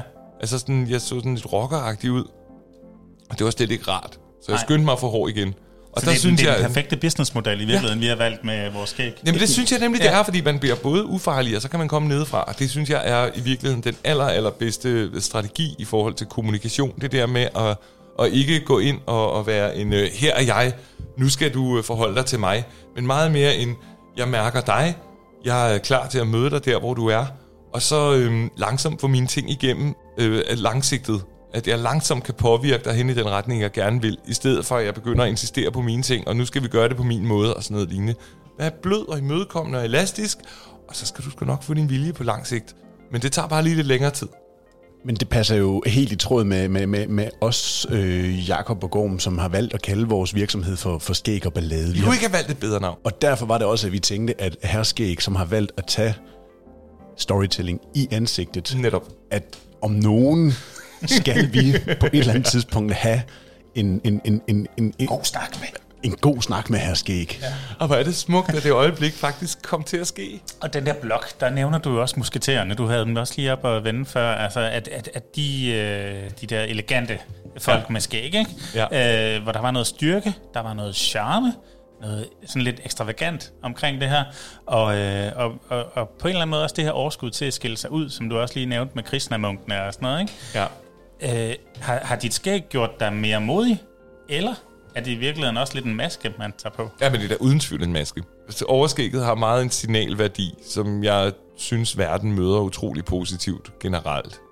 Det er ikke nødvendigvis alle, man scorer altså af piger og sådan noget lignende, når man render rundt og ser så specielt ud, og specielt når man har meget skæg. Altså fordi det er, der, det er turn off for rigtig mange. Til gengæld, så er det turn on, og det er jo utrolig smukt, at der er nogen, som, som kan lide noget, og nogen, der kan lide noget. Sådan at alle mennesker er jo indrettet. Det er tilvalg, ikke? Ja, altså, ja, ja, lige netop. Ja. Altså, mit, det, det store dilemma, det er jo, at jeg lidt render rundt og er klædt ud hele tiden, og jeg har lavet en børnekarakter, som jo ligner en, der øh, ligner mig. Så jeg er lidt på en eller anden måde klædt ud som herskæg 24-7. Det ja. har ikke bare mig, men også min familie skulle lære at leve med, og er hele tiden ved at lære at leve med. Fordi at det, er, det er jo faktum, at man hele tiden bliver forstyrret af folk. Og at overskægget gør, at de forholder sig lidt mindre tilbage, end de måske ellers ville gøre, fordi at jeg ser mindre ud som om, at jeg er på arbejde. Fordi jeg har klædt mig ud med det her overskæg, så ser det ud som om, at Nå, men så kan vi jo godt lige gå hen og få et billede af skæg. Han har jo taget skægget på. Ja. Der er det noget nemmere for Bamse, der kan tage hovedet af, ikke? Exactly. Ja, Fuldstændig. ja. Ikke at Søren Havs nok ikke også bliver passet op efterhånden, men trods alt. Det er lige. Men, men vi historien om Mikkel Lomborg havde været en anden, hvis der ikke havde været skæg involveret. Det ville nok. Det ville, altså for det første, så fik jeg jo her skæg rollen, fordi at jeg havde det her skæg i første omgang. Øhm, den havde nok været anderledes. Altså lidt mindre hage. Øhm, jeg, jeg, jeg, kan ikke, jeg, jeg ved sgu ikke, hvordan, fordi at beslutningen om at få skægget blev taget så tidligt. Det er ikke sådan noget, der er sket. Det var en meget målrettet beslutning, som også er øh, blevet forløst af, at jeg havde beslutningen, fordi det var så grimt i så lang en periode, fordi jeg ikke havde særlig meget skæg, Ja. at det havde jeg nok ikke overlevet, hvis ikke jeg havde, havde været meget fast besluttet på, at der lå i den anden ende en gave at hente, som jeg var helt bevidst om, at den ville jeg have, den gule rod. Og det kunne godt tage nogle år at komme dertil, men det må man så tage. Altså det tog mig tre år for cykelstyrs overskæg. Wow, så vil man det også gerne, ikke? Ja, lige netop. Ja, og den, præm- det. den præmie, der så ventede i den anden ende, det var det hele værd. Det synes jeg. Det synes jeg absolut. Og det er ikke bare en, en, i forhold til min professionelle karriere, men også i forhold til kommunikation og, og snak med almindelige mennesker. Altså, der er bare en... Det må I også have oplevet med at gå rende rundt med skæg. Altså, det, det gør bare, at folk er mindre mistroiske over for en. Skæg, Man, man, får, man slapper bedre af. Skæg gør verden til et bedre sted. Ja, men det gør det bare. Lige netop. Mikkel, det har været en fornøjelse. Bliv lige hængende, fordi så tager vi lige en afslutning efter den her.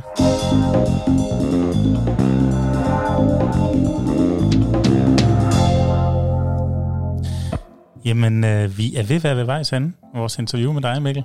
Øh, men, men noget, jeg sådan har lagt mærke til, at de gør i andre interviewpodcasts, det er lige at runde af med at sige, hvordan har det egentlig været at være med i dag? Hvad, hvordan er det at være en del af Skæg og Ballades øh, bløde værdier podcast-univers her? Det er fuldstændig dejligt. Jeg synes, rammen om jeres lille studie her er helt magisk, og meget, meget, øh, hvad kan man sige, spejler mig og det, jeg står for værdimæssigt rigtig, rigtig godt. Jeg synes, I er virkelig sympatiske begge to, og stiller nogle meget dygtige spørgsmål. Og så synes jeg bare, at der har været virkelig øh, hyggeligt at sidde her og snakke om sig selv. Ja. Det er jo ikke altid let, men øhm, jeg synes, vinklen, I har valgt, har været virkelig dygtig. Så jeg har haft en meget, meget god oplevelse, som jeg vil tage med mig ud i verden. Dejligt. Absolut. Øh. Øhm, så vi har faktisk vi har sådan en lille grim ind i baghånden. Altså, vi har, vi har et spørgsmål til dig. Kom med det. Altså, vi brænder jo selv for kraften i skægget ja. og lysten til at udbringe, at udbringe storytelling og historien. Men nogle gange så mangler vi også bare hjælp. Ja. Kunne du ikke tænke dig at være protektor for skæg og ballade? Jo. Sådan en, en, en form for åndelig øh, skægguru, der ligesom kunne, øh, kunne, kunne bare lige, ja, man lige kunne sende en mail, eller, eller bare lige sådan vide, at, at Mikkel han er der, hvis Jo. alt andet svigter, ikke? Det vil være en ære, fordi jeg føler virkelig, at vi har, vi har et slægtsfællesskab på mange planer. Jeg vil meget gerne være protektor for skæg på led. Jamen, Gorm, jeg, jeg, jeg er nærmest lykkelig nu. Der er...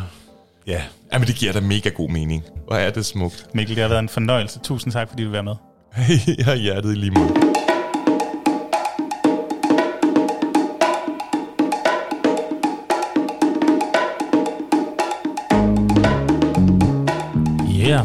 Så er vi i den grad tilbage og har sendt Mikkel ud af døren. Det var fedt. det var fandme en fornøjelse. Ja, han er en god fyr. Det må man sige, og et flot skæg. Flot skæg og god historie. Og med sådan en empati, der bare sådan nærmest vælter en, han kommer ind ad døren. Ja, det er dejligt. Det er så dejligt. Gorm, vi skal videre i teksten. Vi har det, jo, det her lille segment med, hvad vi har i lige. Hvad har vi i lige? Jamen, øh, noget af det, vi har i lige, lige for tiden, det er en... Øh, en er en GPS, en sporing, en, øh, en tech-ting, som øh, kan hjælpe demente og pårørende til demente med øh, at få et øh, bedre og mere frit liv og kunne færdes omkring sit eget hjem. Øh, hvor vi skal hjælpe denne her øh, virksomhed med at lave nogle øh, explainer-videoer, hvor at øh, vi simpelthen løber alt omkring installationen og sådan nogle ting igennem på den. Ja, Det bliver fedt. Det bliver mega fedt, ja. Det er lidt nyt område for os at skulle prøve at lave de her explainer-videoer, men det øh, bliver rigtig fedt at prøve kræfter med. Jeg glæder mig i hvert fald øh, helt bestemt til en øh, god tur til Aalborg. Og så skal jeg se, om jeg kan sige en lyd. Kunne høre, hvad det? Ja, vi har ikke sluppet hestene. Nej. For øh, efter en lang tid siden var vi nede og holde øh, et oplæg om storytelling for en øh, håndfuld ryttere. En god håndfuld, en stor håndfuld. Og, øh, og, og en af dem er vendt tilbage, og vi gerne have, at vi lavede hjælp hende med en grafisk identitet og øh, lavet noget grafik til hendes hjemmeside, som, øh, som skal have en kærlig overhaling ved nærmeste omgang. Så det er blandt andet også noget, det vi laver. Ja, det er lidt to verdener, der mødes, der snakkede vi om her forleden i det her logo her, fordi hun øh, repræsenterer både hesten, som jo er lidt min familie, en Branderup, øh, og, og så dansen, som, som du har. Som jeg jo har i min baggrund. Så, øh, så at se de to ting smelte sammen, det var sådan meget, meget smukt, meget symbiotisk. Og så må vi jo indrømme, at vi, vi har været i den øh, heldige position, at vi også har holdt et sommerferie her på det sidste. Mm, det har været dejligt. Ja, fed måde at starte op med sådan et lækkert interview. Bestemt. Mm. Men øh, så skal vi videre til noget med nogle anbefalinger.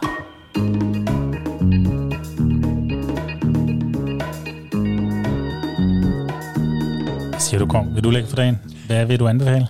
Jamen, øh, en podcast bliver det i dag. Øh, en podcast på Radio 24 7. Og øh, det her, det er jo Danmarks eneste sådan rigtig digitale kulturprogram. Det her, det er programmet, hvor vi taler om alt det digitale, der rører sig omkring dig. Podcastens titel er Elektronista. Øh, hun er øh, virkelig, virkelig dygtig til at øh, forholde sig til øh, nye teknologier, og hvordan de bliver implementeret, og det er spændende med de gæster, hun øh, har med i, øh, igennem, og, hvor man kan høre om øh, design af smykker og teknologi smykker, og hvor hun så interviewer de, den her uddannelse. Jeg tror, det var øh, IKEA, øh, hvor, hvor der er den her linje ved designlinje. Så øh, bestemt øh, en anbefalesværdig lytning og være op på beatet og øh, med det nyeste nye og, og følge øh, elektronista. Skal man være tech-interesseret for at få noget ud af den? Åh, oh, nej, nej, nej, nej, slet, slet ikke. Ja, spændende. Øh, min anbefaling kommer her.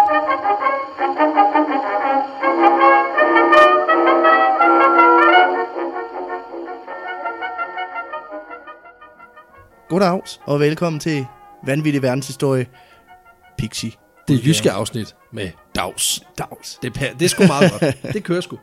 Hvad er det? Det er et par gutter, som har besluttet sig for at tage øh, gode fortællinger fra verdenshistorien og lave det til podcast. Og, øh, og, og, og især ved at fremhæve et, et format, de kører, de kalder Pixie. Vi kender alle sammen Pixie på. De laver også Pixie Podcast. Og det er fordi, øh, sådan nogle typer som os, vi kan jo snakke herfra og langt ind i helvede. Men, øh, men hvis man nu for eksempel kun lige har øh, 20 minutter til en opvask eller et eller andet, så er det her Pixie-format altså ret lækkert. Og du kan alligevel nå at få ret meget fortalt. Øhm, så jeg har blandt andet, øh, forleden gik jeg og hyggede mig med en lang fortælling om øh, Madame Curie, som jo arbejdede med stråling øh, øh, og, og beriget uran, og det blev så også hendes død i sidste ende, men øh, dobbelt øh, Nobelpristager i to forskellige kategorier, og øh, kvindesagsforkæmper osv., det blev meget klogere. Øh, før det, der havde jeg øh, slået græs til et Pixie-afsnit, der handlede om, hvordan Pepsi havde deres indtog i Rusland.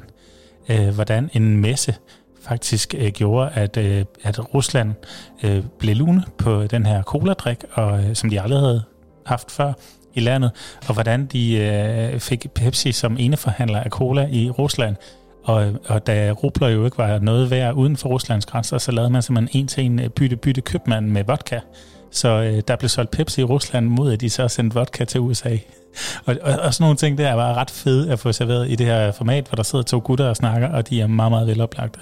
Så den hedder Vanvittig verdenshistorie og øh, ligger på alle gængse tjenester, og der er også nok afsnit til, at du kan høre, indtil du bløder ud af ørerne. Så det var ligesom det. Fedt. Og undskyld, jeg lige fik ødelagt uh, introen der, men der var simpelthen så meget lækker Balkan-musik over det, så uh, jeg var nysgerrig. Prøv at høre, det er det, du kan komme.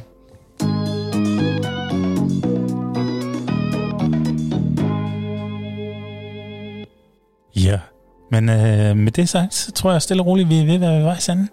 Det må man sige, ja. Det er en af de lange, dem her. Det bliver en af de gode.